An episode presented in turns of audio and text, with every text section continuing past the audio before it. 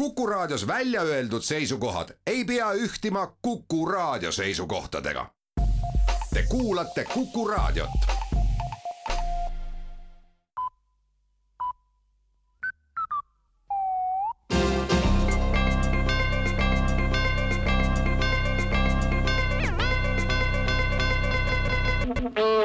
eetris uudised ja stuudios Rohke Debelak majanduspolitsei kahtlustab riigi elanikkonda kartelli kokkuleppes. siiani on selliseid kahtlustusi olnud vaid üksikute ettevõtete või ettevõtete gruppide puhul, kuid pikem juurdlus on näidanud, et kartelli kokkuleppes tuleb nüüd süüdistada pea üheksakümmend protsenti riigi elanikkonnast. uurimine näitab, et ükskõik millist hinda kaupmehed ka ei küsiks, tarbijad maksavadki selle eest nii palju, kui küsitud pidevalt on kuulda küll nurinat, et üks või teine asi on liiga kallis, kuid ostmist jätkatakse ikkagi. kogu elanikkonna ostukäitumisest on näha, omavahel ollakse kokku lepitud, makstaksegi sellist hinda, nagu küsitakse ja kõik. siiani ei ole maailma mastaabis veel täheldatud kogu elanikkonda haaravat kartellikokkulepet, mistõttu puuduvad esialgu ka seisukohad, kuidas sellise nähtusega võidelda. inflatsioon ja hinnatõus on elanikkonna kartellikokkulepe vaid üks ilmingutest veel tarbimisest. Eesti Supermarketite Liit on koostanud ühise tegevuskava lähevaks viieks aastaks ja see näeb ette lisaks praegustele veel kolmekümne kaubanduskeskuse ehitamist üldpinnaga kolmsada tuhat hektarit.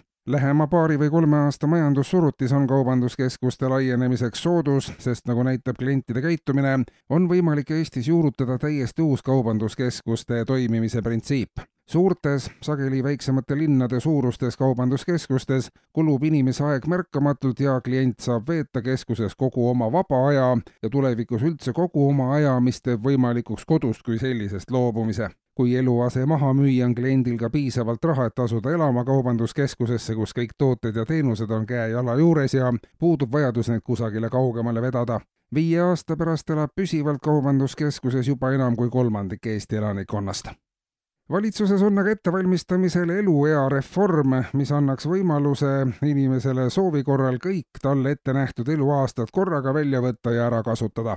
praegu on sellise strateegia järgi tegutsejaid samuti olemas, kuid selline käitumine ei ole seni olnud ametlikult heaks kiidetud ja propageeritud on tasakaalukat ellusuhtumist, tervislikke eluviise ja pikka iga. see toob kaasa olukorra, kus inimesed elavadki üha kauem ja on üha kauem ka pensionil ehk riigile ja ühiskonnale koormaks. kui inimene aga võtab korraga kõik oma eluaastad välja, jõuab ta käia ööpäevaringselt tööl, mis toob kaasa võõrtööjõu vajaduse kadumise, ta saab samal ajal ka ohjeldamatult pidutseda, mis toob kaasa suure aktsiisilaekumise ja kõige selle kõrval ka pereelu elada, mis tagab ka rahvastiku taastootmise. kui inimene elab kogu oma prognoositud üheksakümne aastase elu ära kahekümne seitsme aastaga, on võitjaks kõik, märgib valitsuse esialgne eluea reformi analüüs ja Riigikogu hakkab täna arutama põhiseaduse vastavust põhiseadusele. eelnõu menetlust andnud valitsuskomisjoni sõnul on üha sagenenud juhtumid, kus üks või teine Riigikogu poolt vastu võetud seadus või mõni muu samm läheb põhiseadusega vastuollu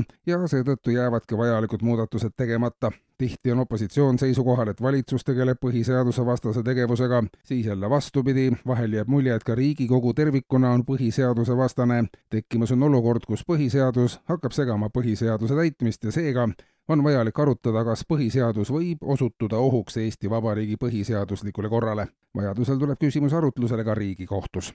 kuulsite uudiseid